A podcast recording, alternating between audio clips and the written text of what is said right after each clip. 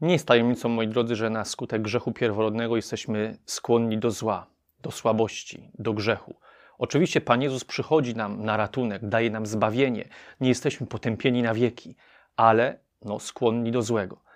Dlatego też, obserwując swoje życie, e, widzimy, że bardzo często wybieramy to, co jest piękne, radosne, dla nas przyjemne, kiedy jesteśmy szczęśliwi, ale bardzo często tak po ludzku patrząc. A dziś Pan Jezus mówi: Błogosławieni, szczęśliwi jesteście wtedy, nie kiedy jest miło, pięknie, fajnie i przyjemnie, ale wówczas, kiedy dostępujesz jakiejś trudności, jakiegoś prześladowania, niezrozumienia, kiedy jesteś cichy, pokorny, to jest droga błogosławieństw, szczęśliwości.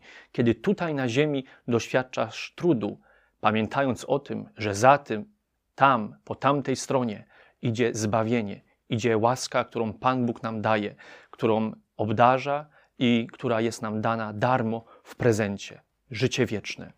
I chciałbym zwrócić dziś w Ewangelii na to jedno zdanie: błogosławieni cisi.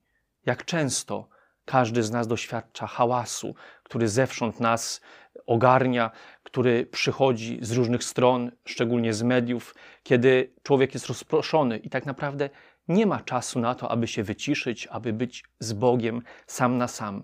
Jak często jesteśmy rozkrzyczani, jak często brak nam e, w mowie również takiego postu, można powiedzieć, czyli takiej cichości serca, abyśmy mniej na temat drugiego człowieka się wypowiadali, abyśmy mniej może plotkowali, abyśmy bardziej byli nastawieni na tę ciszę, która ma zagościć w moim wnętrzu.